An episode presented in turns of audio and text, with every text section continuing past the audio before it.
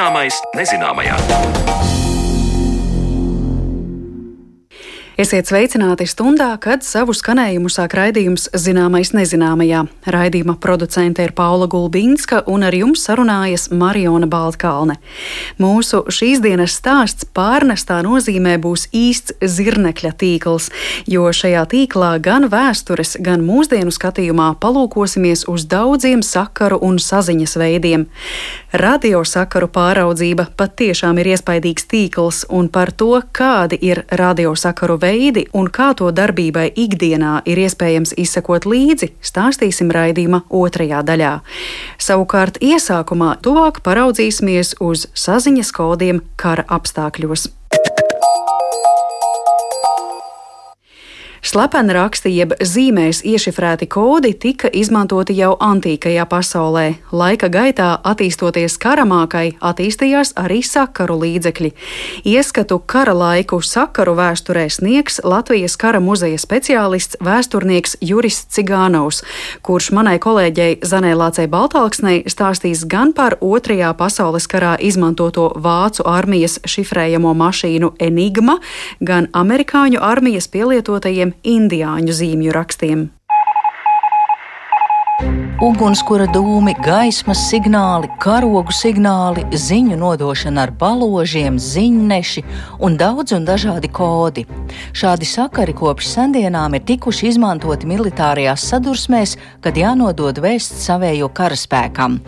Jau Livonijas Indriķa kronikā rakstīts, ka 1208. gadā kaujā pie aizkrauklis rīdzinieki paceltiem karogiem metās ienaidniekiem virsū un nogalināja tos pa labi un pa kreisi. Un kā var lasīt vēsturnieka Evalda Mugurēviča kronikas komentāros, tad viduslaikos karogi bija karaspēka un atsevišķu vienību, kopības, pazīšanās un pulcēšanās zīmes. Sastopoties ar pretinieku, cīņas pieteikšanas signāls bija karoga pacelšana.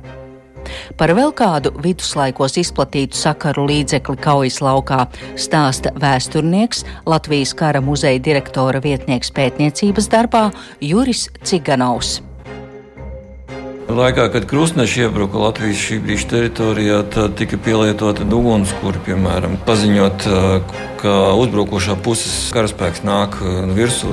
Tātad ugunskura dūmi un, un, protams, arī zirgu pasts un baloži pasts. Tas viss bija cauri gadsimtiem izmēģināts un tur arī pielietots.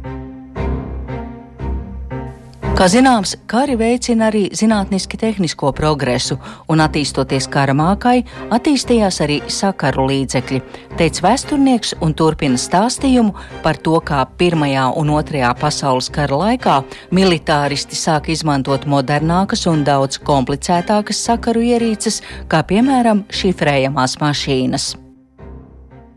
Galvenais sakaru līdzekļu uzdevums bija tomēr dot signālus saviem karavīriem. Jo nu, līdz pat moderniem laikiem tas karš bija tāds, nu, tā teikt, kompakts.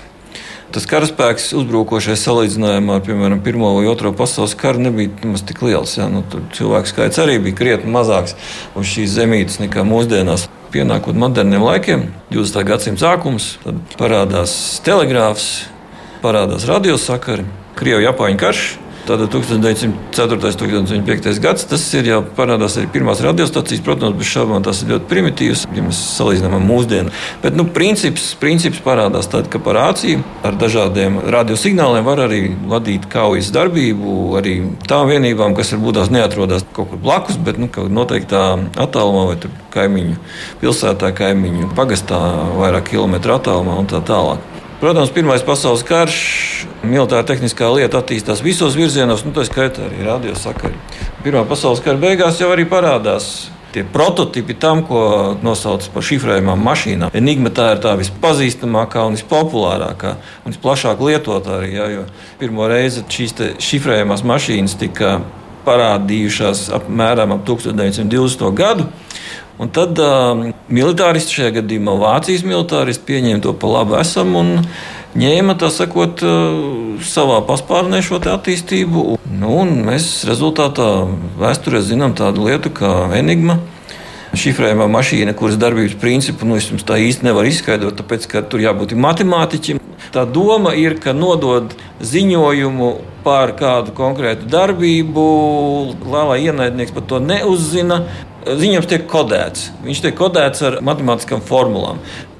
Bet fakts ir tāds, ka Otrā pasaules kara pirmo daļu šifrējumā mašīna, kuru mēs pazīstam ar nosaukumu Enigma, Vācijas bruņotajiem spēkiem bija ļoti laba. Jo līdz pat brīdim, kamēr sabiedrotie neieguva šo mašīnu kopā ar kodu grāmatu, kā trofeju, Pārsvarā tā darbojās uz jūras. Vācu militārā jūrniecība to izmantoja. Bija arī sauszemes enigmas, bet nu, pārsvarā mēs zinām, to, ka tas, tas pārsvarā tika darīts uz jūras un zemūdenēm. Un vācu zemūdenieki to izmantoja ļoti efektīvi, lai uzbruktu sabiedroto militāriem konvojiem Atlantijas okeānā, no kuriem bija ļoti atkarīga arī tā, kā norisināsies nākamā kara darbība. Un tikai pēc tam, kad 1941. gada rudenī tātad, pirmo reizi tika sagūstīta zemūdene, kuras apkalpa nepaspēja enigmu iznīcināt, tad šo enigmu ieguva Lielbritānija. Tikai tad viņi sāka saprast šos kodus un varēja atšifrēt viņus. Pēc tam bija gads, ka vācieši to, to lietu uzlaboja. 42. gadā Lielbritānijas šifrētāja komanda zem nosaukuma Ultra arī ieguva to uzlaboto enigmas variantu. Un nenoliedzami, ka enigmas ziņojuma atšifrējums bija viens no tiem, pakāpeniskiem soļiem, kas beigās noveda pie sabiedroto uzvaras Otrajā pasaules karā, jo sabiedrotie tas ir uh, Lielbritānija un Amerikas Savienotās valstis, un viņu sabiedrotie savukārt spēja um, paredzēt vācu zemūdeņu uzbrukums militāriem konvojiem, kas krietni nodrošināja ar kara materiāliem ne tikai Lielbritāniju, ne tikai Amerikas Savienoto Valstu karaspēku Eiropā, bet arī to pašu Padomju Savienību. Lendlīza ietvaros Padomju Savienības sarkanā armija bija krietni apbruņotāka, ko izdarīja amerikāņi un, un kanādieši un Lielbritānija ar saviem militāriem konvojiem. Tātad enigmas atšifrēšana faktiski arī bija viens no tādiem nozīmīgiem faktoriem, kas noteica viņu uzvaru Otrajā pasaules karā. Šifrējamā mašīna Enigma pieļāva miljardiem veidu, kā kodēt ziņojumus, un tāpēc tika uzskatīta par nesalaužamu kodu ierīci. Līdz sabiedroto karaspēkam, kā jau Juris Ciganovs teica, izdevās iegūt daļu no kodu pierakstiem un iesaistot amerikāņu matemātiķu Alanu Tjūringu, viņa vadībā britu šifrētāji uzlauza Enigmas kodu. Tjūringa komanda 1941. un 1942. gadā katru mēnesi atšifrēja aptuveni 39 tūkstošus pārtverto ziņojumu, un šis skaits vēlāk pieauga līdz vairāk nekā 84 tūkstošiem mēnesī. Divi ziņojumi katru minūti, dienu un nakti. Tiek uzskatīts, ka enigmas koda uzlaušana bija viena no vissvarīgākajām sabiedroto spēku uzvarām Otrā pasaules kara laikā. Kādu laiku līdzīgas šifrējumās iekārtas izmantoja arī citu valstu militāristi. Vācieši, protams, nebija vienīgie, kas mēģināja izmantot uh, šādas šifrēšanas mašīnas. Tādas bija arī amerikāņiem, tādas bija arī Lielbritānijai, arī Padomju Savienībai. Tikai tas viss notikās pēc Otrā pasaules kara. Un, cik es zinu, līdzīgi tai pašai enigmai, uz tādiem pašiem principiem darbojošās mašīnas izmantoja padomju bruņotie spēki un to sabiedrotie nu, kaut kur līdz 80. gadiem. Bet uh, cits virziens ir tas, ka jau otrā pasaules kara beigās parādījās šīs, te, nu, viņas varētu nosaukt par mobilā telefona priekštečiem, respektīvi portatīvās rācijas, kuras izskatījās tā kā radio klausulas, tikai ļoti milzīgas. Tas, ko amerikāņi sauc par walkie-talkie, ja, tas ir, tas ir nu, vārdu walkie un talkie. Tas ir staigāt, iet, iet staigāt, staig, staigrunājami, varētu tā teikt, latviski. Ja. Tad, kad paskatās otrā pasaules kara fotogrāfijas, tad Tieši amerikāņiem var redzēt, ka viņi karavīri iet ar tādiem milzīgiem tādiem klausulēm, izskatās pēc klausulēm, vienkurā antena iziet ārā. Nu, tā nav klausula, tā ir rācija. Tas palika mazākas, mazākas. Nu, Vietnams karā arī, Korejas karā, Vietnams karā tas tika izmantots. Un, un ražoja šīs pirmās mašīnas Motorola. Nu, toreiz tas kompānija bija savādāk saucās, bet no tās kompānijas, kas viņu sāk ražot, tad attīstījās Motorola. Nu, tad, eh, tas ir eh, tas pats mobilais telefons, ja tā varētu teikt, arī vulgarizējot ļoti. Bet šis walkie-talkie bija ļoti populārs arī nu, gadus 30. Pēc tam, protams, internets. un alternatīvās sakaru sistēmas, kas paredzētas izmantot, nu, piemēram, kodolkara gadījumā, kad internets nedarbosies, nu, kad nebūs elektrības un internets ir atkarīgs no elektrības. Ja. Kā, droši vien arī tādas ir, bet nu, tur ir, protams, speciālistiem jājautā, kas labāk par to varētu pastāstīt. Jā, jūs domājat, man šķiet, ka tagad arī jaunsarga apmācībās tāpat viņiem māca, ko nozīmē tādas krāsas karodziņa, kā signalizēt, kā tur ar uh, ugunskura vai kabatas bateriju var padot signālu kabatas lampu. Protams, ka tas jau arī nekur nav pazudis. Tā pati Morzes abece, tā kā nekur nav pazudusi. Un Morzes abece bija tas, ar kuras palīdzību uh, šie pirmie radiosakari tika veikti. Jā. Jā, bez šābām, ka ir arī šī zīmju sistēma, taču karavīriem izstrādāta, kas nozīmē, nu, ka tev ir jāapstājās, ka tev jāiet pa labi, ka tev jāiet pa kreisi. To pašu ar, jā, ar, ar, ar dūmiem, ar dūmu signāliem, ar dažādu krāsu karogiem, ar lukturīšiem visādiem. Tur jā, tas viss notiek, bet nu, bez šaubām, ka arī sakaru sistēma šī paša interneta gadījumā jau, protams, attīstās arī.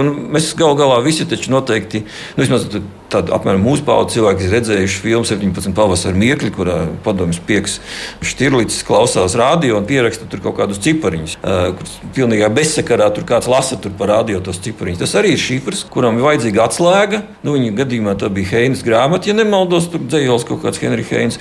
Pēc kura šo šifru attīstīja jau kaut kādā tekstā, nu, uzzināt par vācu slepenajām sarunām.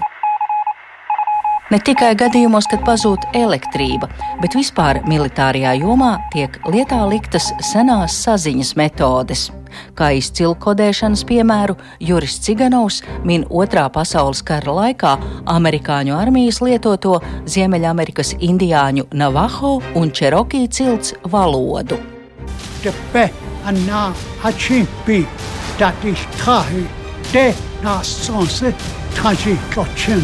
te nās sonse, taji kočim. Otrā pasaules kara laikā Amerikāņu armija cīnoties pret Japāņu karaspēku Klusā okeāna reģionā izmantoja amerikāņu pirmiedzīvotājs no Navajo cilts un Čirokī ciltīm.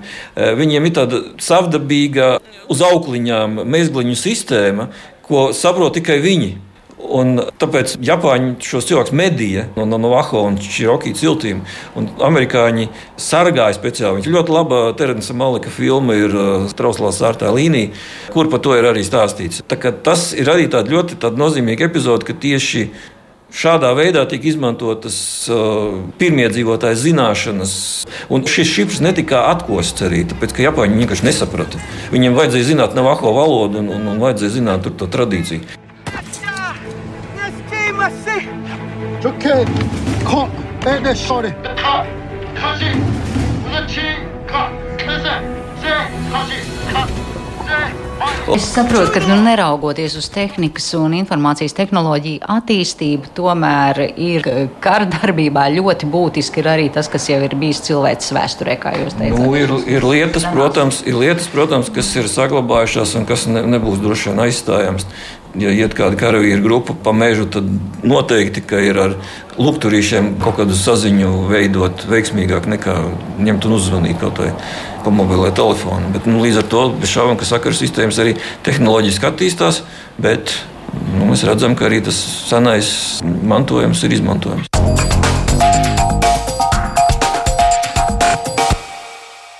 Par otrā pasaules kara saziņas kodiem iepazīstināja Latvijas kara muzeja speciālists vēsturnieks Juris Cigānovs, ar kuru sarunājās Zane Lāce Baltalksne. Bet raidījuma turpinājumā saruna par visdažādākajiem radiosakaru veidiem. Música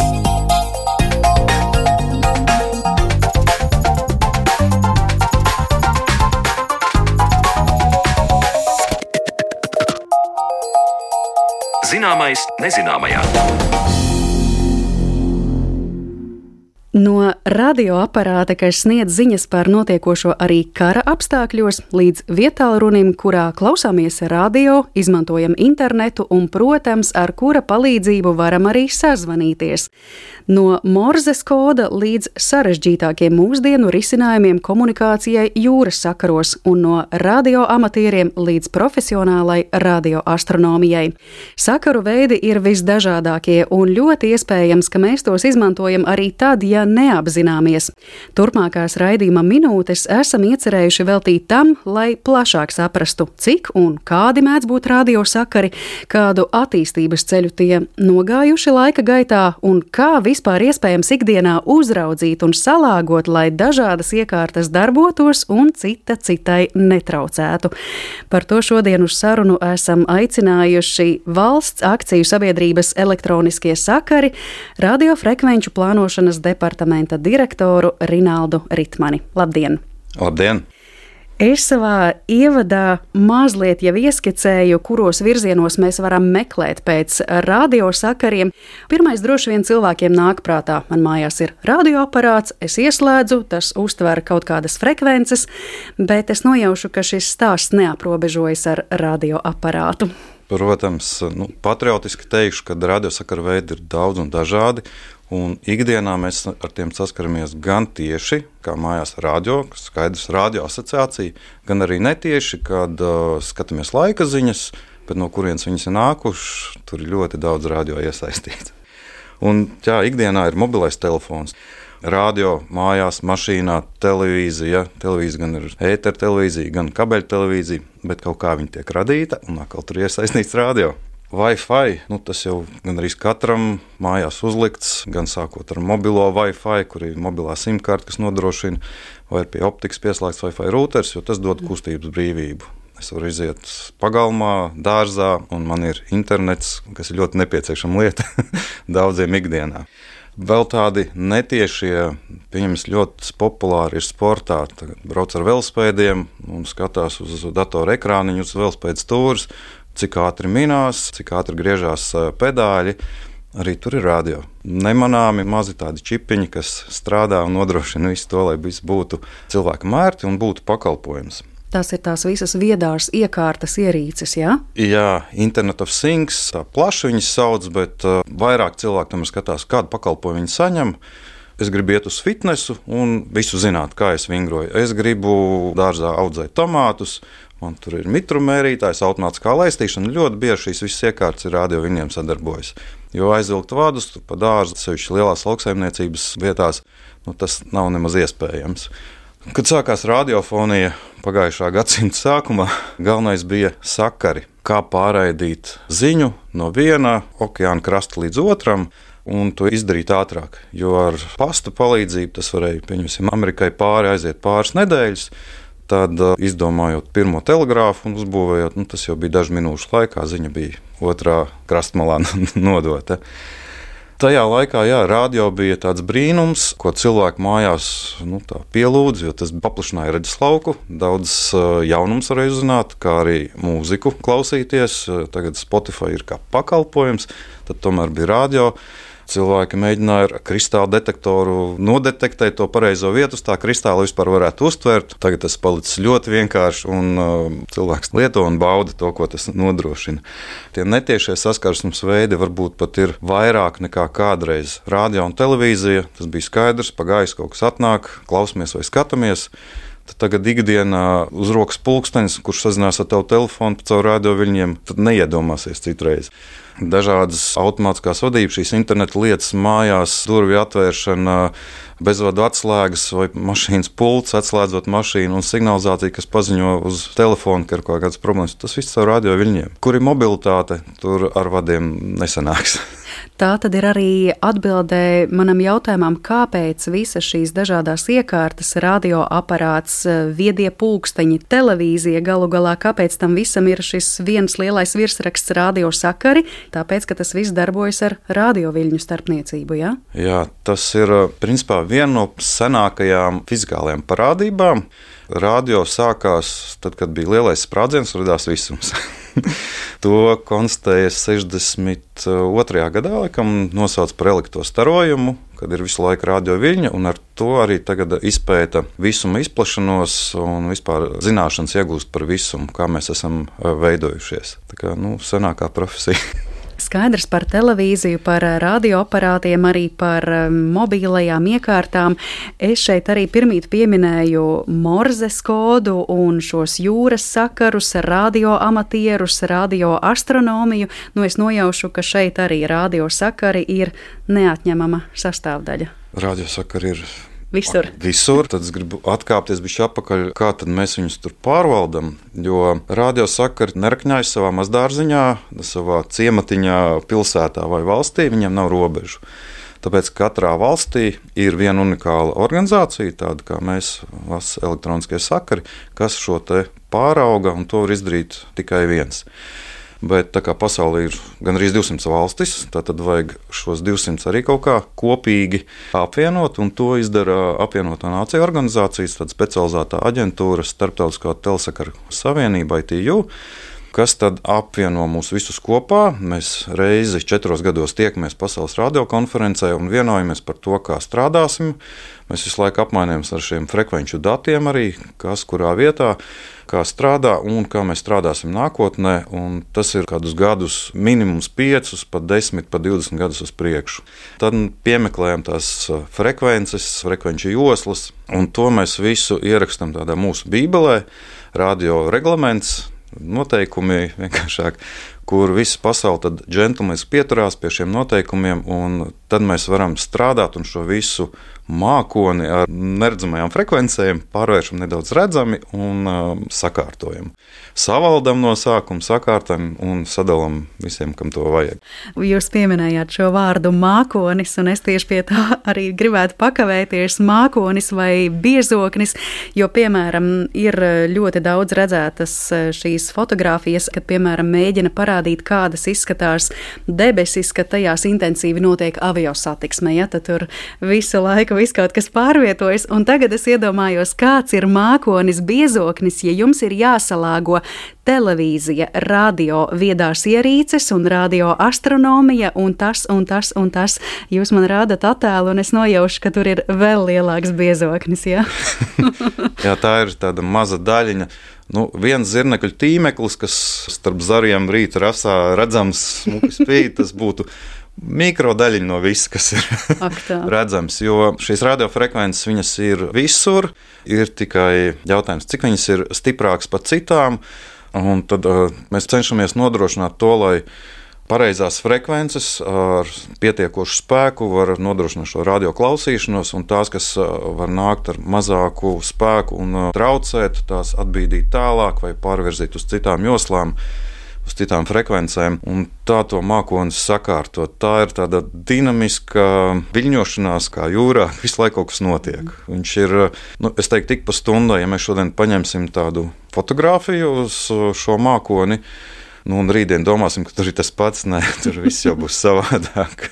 Bet sakiet, kā šos viļņus izvēlas, un arī pie reizes man ir jautājums par šiem apzīmējumiem AM radio, FM viļņi, ko tas īsti nozīmē un kā šos skaitļus izvēlas. Mums arī katru rītu, kad uh, Latvijas radio viens sāk skanēt 6 no rīta, jūs klausāties uh, Latvijas radio viens un uh, tās uztveršanas frekvences ir tajā vietā tādas, tajā vietā tādas. Kurš to izlemj? Jūs to izlemjat? Jā, bet šeit atkal mēs ņemam vērā visus pakalpojumu lietotājus.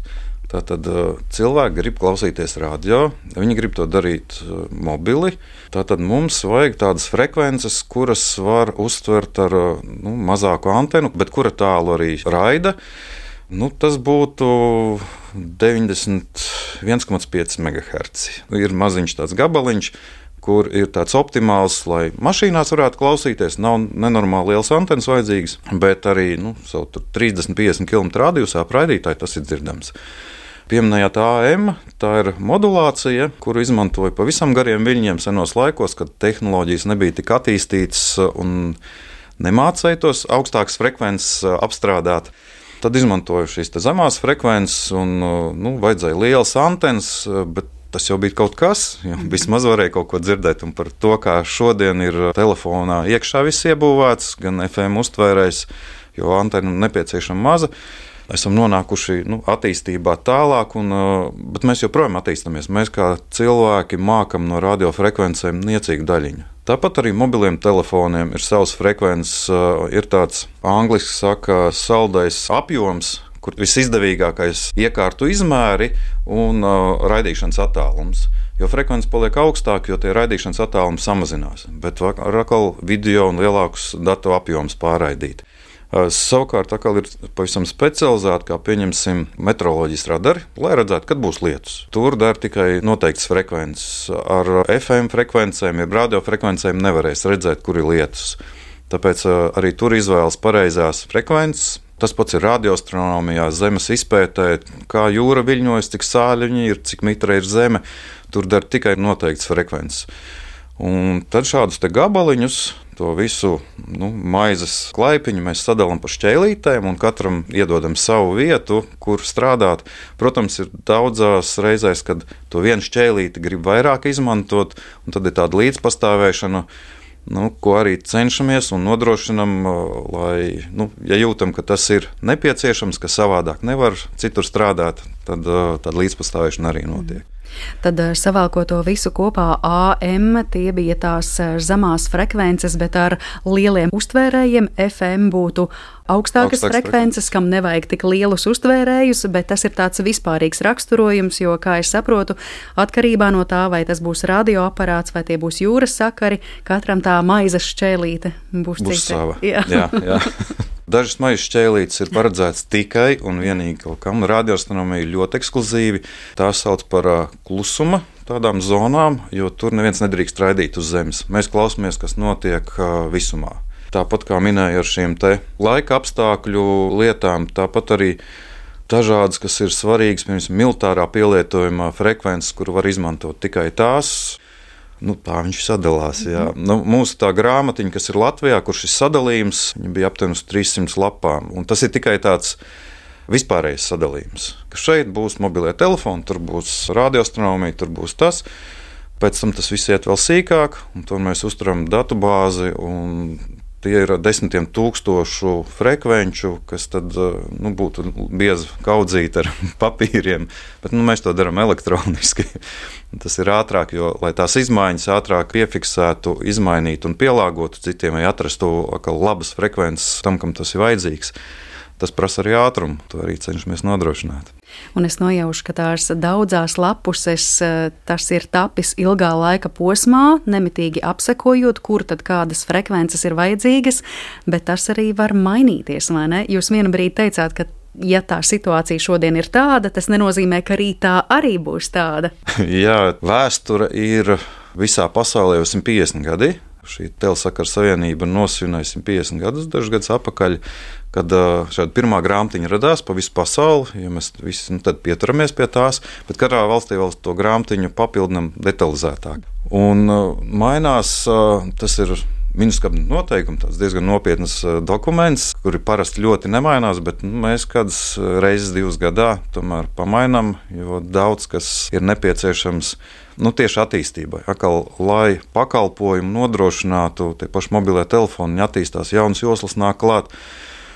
Tas ir tik ātri notiekās, ka kādus nu, piecus gadus papēta, divus gadus vienojas par to un lūdzu liekam iekšā. Un tā visu laiku tas notiek paralēli process un daudz tādu procesu notiek. Un tad es iedomājos, kā ikdienā praktiski izpaužas jūsu darbs. Jums ir arī cilvēku tīkls, zirnekļu tīkls, ja tā var pārnest. Tā nozīmē teikt, ka es visur Latvijā sekotam līdzi, kā šīs izmaiņas skar visdažādākos radiosakaru veidus. Jā, šī visa pārvaldība ir sadalīta divās daļās - plānošanā un uzraudzībā. Jo viens ir, ko mēs piešķiram, otrs vai ir likuma paklausīgi tas arī tiek darīts, vai ir no kaut kādas nelabas lietiņas neparādās. Tādēļ mums ir par šīm nozarēm arī cilvēki, kas pa katru specializācijas, jo tur ir ļoti nu, dziļas zināšanas nepieciešams. Tāpat ir radioastronomija vai pat mobilais telefons katrs cilvēks strādā uz šo jomu, un atkal šai uzraudzībai arī pa visu Latviju. Tad mums ir kas to visu novēro, skatās, vai strādā kārtīgi, un attiecīgi arī rīkojamies vai pakratam ap pirkstu šādiem te, kas kaut ko nepareizi dara. Jo skaidrs, tik līdz tu šajā mākonī iemet kādu zobratiņu nepareizi, tas atsaucas uz daudziem citiem, un nu, beigās tu pats jūti, ka tu, pieņemsim, laika ziņas dabū nepareizes netiešā veidā tas atnāk atpakaļ. Tāpēc tā kārtība ir ļoti svarīga. Un tā nu, pieskatīšana ir nu, palikusi mums vieglāk. Plānošana arī var būt tieši tehnoloģiju attīstību dēļ, kas arī mums ir dotas, lai mēs to varētu nu, nevis ar zīmolu uz rūtiņu burtnīcā, bet operatīvi to visu darīt un nu, nodrošināt tās radiofrekvences, Spotify, Facebook. Uh, hokeja čempionātā. Tiesnesis, ko ir redzējis, visi tagad redz uzreiz, vārtos iesit to ripu, un visi var redzēt tādu klātbūtnes efektu. Radio viņiem atkal. Un nedrīkst to notraucēt, jo ja kāds tur ar nepareizu rācību būs blakus un notraucēs, un būs tāda sašutuma vētra par to, ka neredzēja, kā iemet. Jā, tas ir mūsu darbs, ko tad nodrošinām smalks, tādai ķirurģiskai precizitātei pielīdzināms. Nu, redz, un es tieši par tiem kriksīšiem zobratā, kas spēj visu sabojāt. Gribētu arī tālāk pajautāt, vai jūs paši esat saskārušies praksē ar tādiem gadījumiem, kad viena iekārta vai vienas frekvences iziet no ierindas, un tas ietekmē arī citas? Jā, protams, tādas lietas ir, notiek. Ja senāk tas bija tāpat apzināti, tad tagad uh, tiešām tās iekārtas, cik daudz, viņas arī bojājas. Un tas varētu būt lielākā problēma, kas arī nu, rodas, kad uh, ir nekvalitatīvs iekārts. Jā, tas traucējumi to uzreiz pamana. Pēc tādām prioritātēm, protams, ir tādas atbildības arī, pieņemsim, uh, aviācija un kuģi, kur, nu, kā viņi paši saka, visi noteikumi rakstīti ar asinīm. Arī tur ir ļoti daudz radiofrekvences, un tajā brīdī, kad tu kāp lidmašīnā, lido, nolaidies, tu domā, nu, tu lido. Bet, lai tā lidošana būtu droša, ļoti daudz radiofrekvences, kuras ir tieši ārkārtas sakariem, avārija gadījumā, lai tevi atrastu. Tās visas tiek uh, uzturētas nu, tīras, neaiztiktas uh, visu laiku un pastiprināti tiek uh, pieskatītas. Jo tur kāds bojājums var novest nu, pie lidmašīnas katastrofas ar pārsimt cilvēku problēmām, labākā gadījumā. Tas pats ar kuģiem, jo kuģi, lai gan mums ir mobilie telefoni, aizbraucot no krasta jau 50 km, mobilais telefons nav. Ir citi sakari, kuro var pat kaut kādus video pārraidīt. Bet, kad tu esi okeānā, tev ir nu, vecie labi AM sakari, tā varētu teikt. Tur gan AM vairs neizmanto, ir cits kodēšanas iekārts un modulācijas veidi. Bet tik un tā, ar jūru tu esi viens pret vienu. Tur neviens nepalīdzēs. Tur mobilais telefons nepazvanīs 112, kad kāds atbrauks pakaļ. Tad šie sakari ir ļoti svarīgi un uh, tie tiek pieskatīti starptautiski. Arī speciāli no satelītiem ļoti daudz ko tagad pieskata šīs ceļu avārijas frekvences. Un, uh, tagad es teiktu, ir ļoti ērti tai pašā kuģniecībā, kāpēc to morzi tā vairs neizmanto. Jo ir iekārtas, un tev ir bēda, tu nospied vienu podziņu, savu podziņu, iekārta aizsūta tās koordinātas, satelīts nosaka, kur tu esi. Kad brauc jau glābēji, viņa radaru var redzēt, kurā vietā tu esi. Nav jāmāja rociņu, bet te jau precīzi var atrast un maksimāli ātri izglābt. Tad Morzes radiotelegrāfa sakari tā ir jau pagātne. Morza varētu nosaukt, uh, ir tāds Magaivers uh, seriāls. Var mhm. izdarīt visu, no nu, ar Morza var izdarīt visu. Ja ar balsi tu nevari vairs sarunāties, tu arī pīkstināt Morzi un sakari būs. Viņi ir maz kas zina vairs, bet viņu izmanto. Arī šie radiomatieri izmanto ļoti daudz. Un uz Morzas pamata jau, godīgi sakot, daudz kas ir uzbūvēts. Šīs jaunās digitālās tehnoloģijas arī tas ir viennieku nulītis tā pati mūrs, tikai ļoti ātri.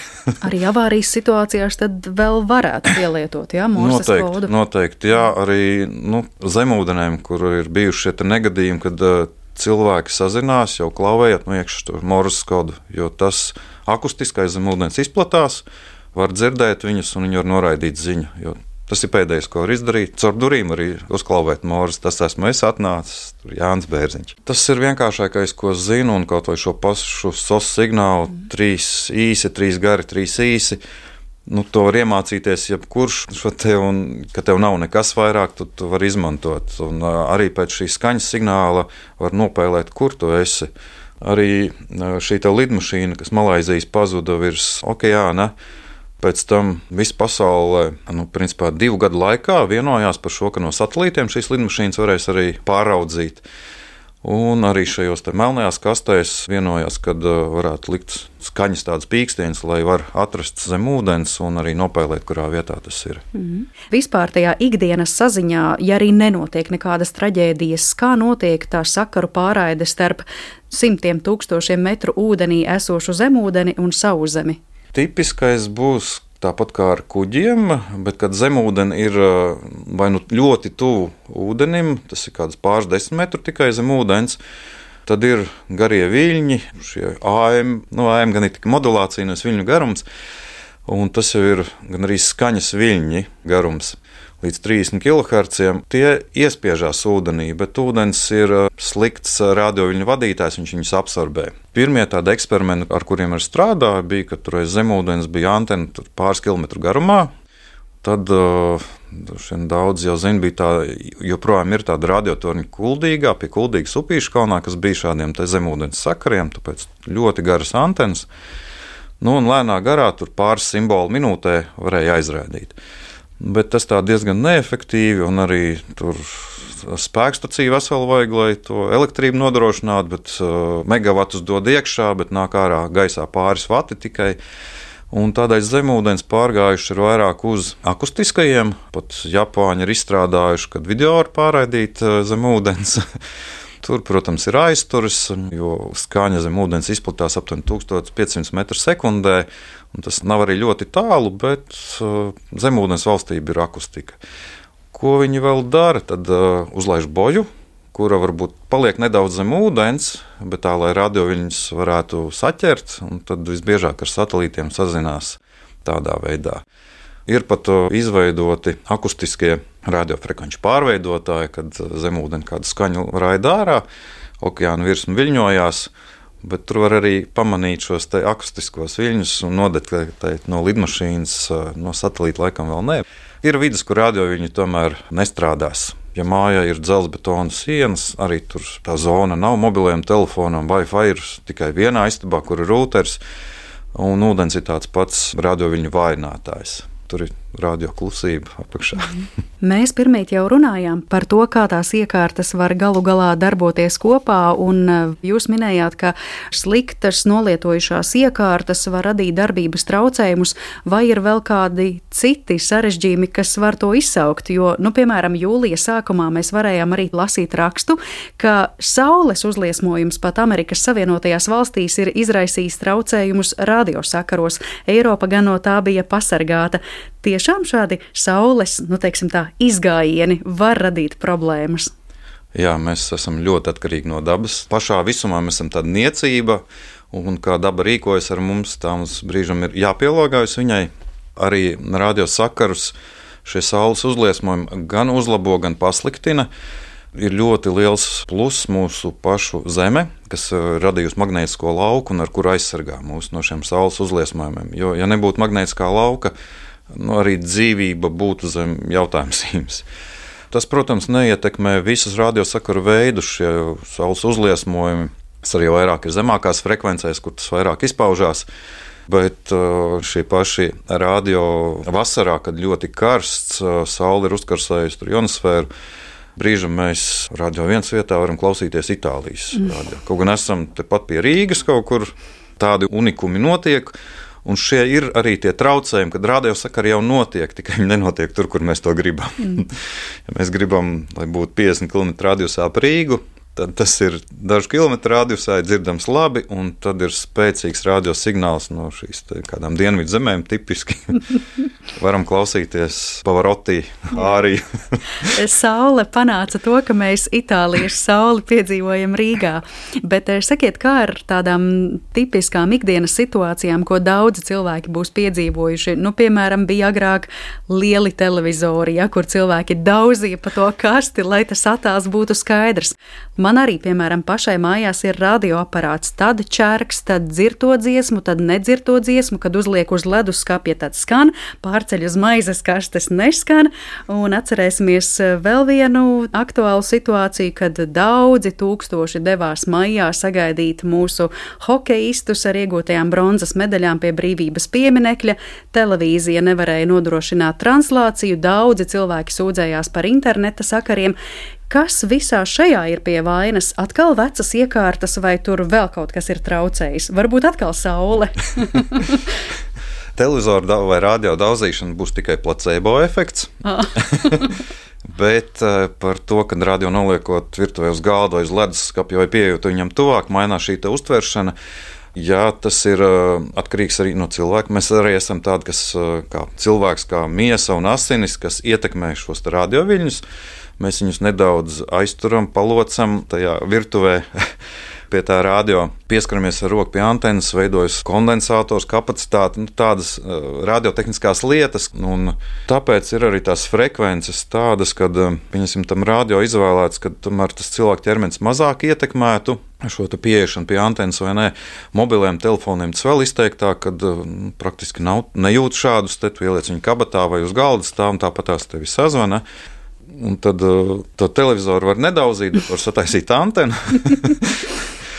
Un ar radioaparātiem arī tas, ka tiešām ir ļoti nekvalitatīvi diezgan daudz. Tas arī, jo nopērkot labu radio, nebūs tie efekti tik daudz. Tur ir pārdomāta viss šī elektronika. Jo var uztaisīt vienkārši radio, kā senos laikos diodīt. Vēl šis tas var uztaisīt diezgan sarežģīti, kurš, protams, būs dārgāks, bet viņš skanēs praktiski vienmēr. Tad par šo te māju situāciju ar hokeistu sagaidīšanu, protams, svētku sajūta un mirklis, un visi to grib redzēt. Tā kā es teiktu par to kārtību, kad jāsakārto, kur kurā vietā kas strādā. Priekšrādio un televīzijas ir atsevišķas frekvences, tā saucamās PMSE, jeb programmu sagatavošanas un pasākumu norises attēlošanai vai apskaņošanai. Un šajā gadījumā arī tika izvēlēts mobilais tehniskais risinājums, bet tajā brīdī visi gribēja šo mobilo. Un tā maize šķēlīte ar šīm frekvencēm ir tāda, ka nu, tajā brīdī visu viņu apēda. Un, nu, tur neko neizdarīs. Ja gribas ekskluzīvi savas frekvences, tad tam arī mēs, tad, piemēram, šajā šī maize šķēlīte būtu jums, lietojot šo te, un tur neviens ar savu internetu blakus neko nesalauzīs. Tā kā vienmēr ir izcinājumi, protams, nevis var paredzēt arī, kas kurā vietā būs, un uh, mēs varam tādu frekvenci piešķirt, un pēkšņi izrādās, ka laika apstākļi ne tādi. Bet nu, parasti ir arī alternatīvas, un uh, diezgan bieži cenšas nodrošināt arī papildus sakaru kanālus, lai viss būtu droši nu, arī šādās situācijās. Es vēl gribēju pakavēties pie tāda jēdziena kā radioamatieri. Cilvēki, kas tiešām ikdienā pavada daudzas stundas darbojoties jau tādā, nu, gandrīz profesionālā līmenī ar šiem radiosakariem. Ko tas īsti nozīmē būt radioamatierim? Visbiežāk jau tie ir tie cilvēki, kas ir entuziasti un kas arī šo nozari atbalsta, bīda uz priekšu. Principā viss šī maisa šķēlītes ir salikts, tā, sākot ar radiomatieriem, kuri ir uh, bijuši entuziasti. Popovs Markonī, kas ir izgudrojuši šo radio, un teiktu, viņi arī ir radiomatieri, viņi gribēja sazināties. Arī mūsdienās radiomatiers ir uh, tas, kurš grib sazināties. Ir uh, radušās vairākas kategorijas. Vieni, kas tādi pirmsākumi ir, kas būvē šīs antenas, iekārtas, un daudzas iekārtas, ko radiomatieri uzbūvē tagad, tikai pēc gadiem, pieciem, desmit parādās mūsu ikdienas dzīvēm. Tā ir tāda attīstība zinātniskajos centros vai pie lieliem ražotājiem. Teikt, tā, viņi ir rādītāji ar sirdi un dvēseli, un lielu darbu dara kā profesionāļi. Un rādītājs viņam tāds blakus, uh, priekš sirds, ko, ko vakaros vai naktīs vai pa dienu padarīt, lai sazinātos, lai pētītu šo rādījumu izplatīšanos, izdomātu jaunas kodēšanas tehnoloģijas, ko tagad arī izmanto mobilajos telefonos, video pārraide internetam. Uh, Tas viss sācies ar to, ka nav, bet gribās, un ir azarts to darīt, un tā arī to rada. Latvijā ir aptuveni 400 radioatmantieri, tādi aktīvi, nu, no 200 līdz 300, kas arī darbojās. Citās valstīs ir vairāk, ir mazāk. Lietuvā, man liekas, apmēram tūkstoti, Vācijā pārdesmit tūkstoši. Bet tas arī, protams, ir pieejamība, jo šīs iekārtas, ja grib nopirkt, tomēr sāks no kādiem 500 eiro un var aiziet līdz pārdesmit tūkstošu eiro. Tātad cilvēki, kuri grib meklēt jaunas sakaru iespējas, te es uzreiz iedomājos arī par vēsturi, piemēram, Otrā pasaules kara apstākļiem, meža brāļiem, partizāniem.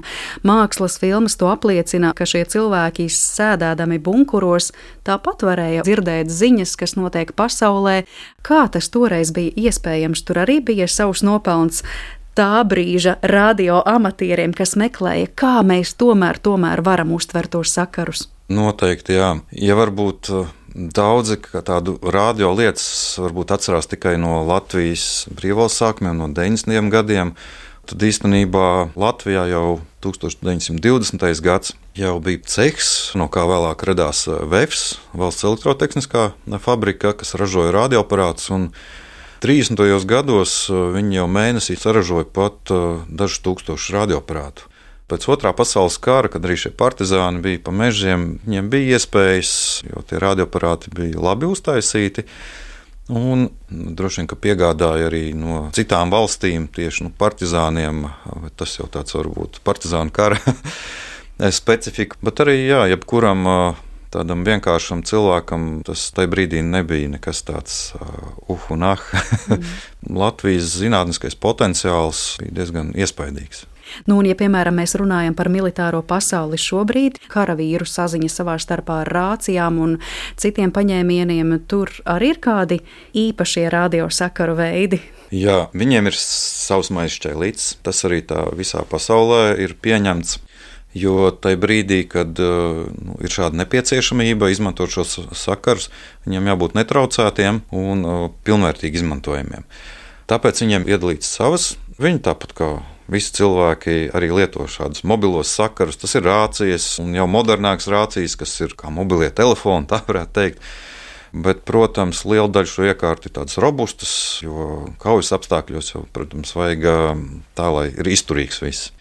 Bet tehnoloģijas, kā redzam, nu, Ukraiņas-Krievijas konfliktā, ir arī ļoti smalkas. Šie paši droni, viņu tālvadība, kur pāris desmit km attālumā ar visiem kara pretdarbības uh, traucējumiem. Šis drons nogādā šo sprāgstvielu tur, kur vajag, un precīzi nogādā šīs pašas pozicionēšanas sistēmas. Uh, mums ir vāze.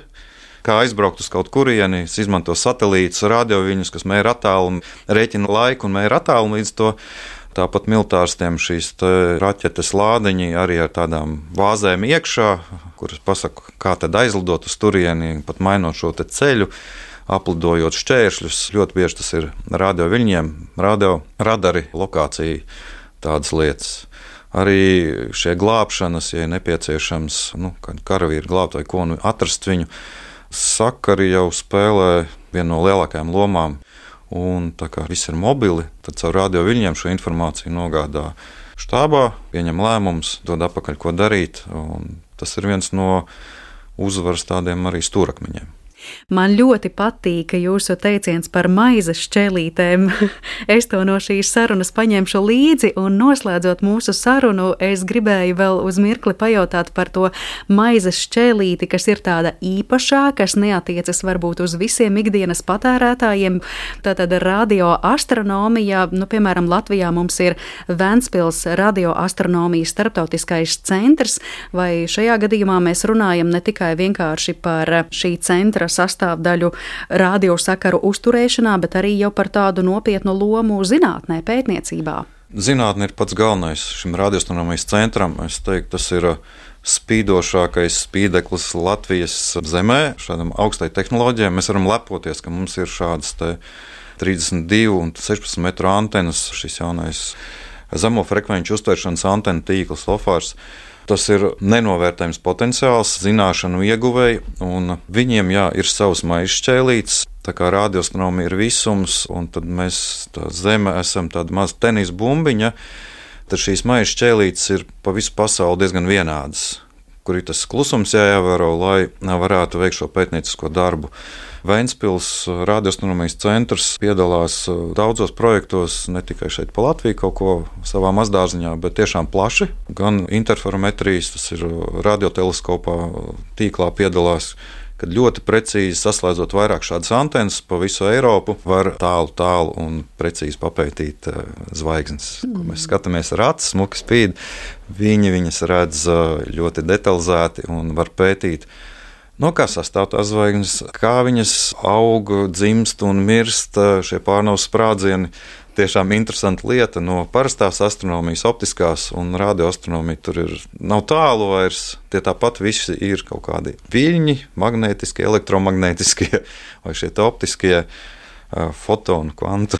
Bet uh, ideja viena, jā, arī mūsu Zeme daudz ko staro ārā vai atstaro. Nu, mēs varam pētīt sevi, varam pētīt kosmosu. Un Vēnspils, jā, šīs antenas, tā ir fantastiska lieta. Mm. Rinalda, liels, liels paldies jums, ka jūs izvedāt mūs cauri tādam aizraujošam ceļojumam, un es jūtu, ka šo stāstu varētu turpināt vēl uz pāris stundām par katru no šiem radiosakaru veidiem. Bet paldies, ka tiešām ļāvāt saprast labāk, kā mums tas viss apkārt grozās un kā mēs ar to sadzīvojam. Es atgādināšu klausītājiem, ka šodienas zināmais nezināmajā studijā viesojās valsts akciju sabiedrības elektroniskie sakari radiofrekvenču plānošanas departamenta direktors Rināls Ritmanis. Ar to arī mūsu šīs dienas raidījums izskan. Par to gādāja producente Paula Gulbīnska, Ansis Pavasaris, Nora Mītspapa. Pie mikrofona ar jums bija Mariona Baltkalne, un paldies par pievienošanos mūsu stāstam Latvijas radio ar radiofrekvenču palīdzību. Uz tikšanos citu reizi. Visu labu!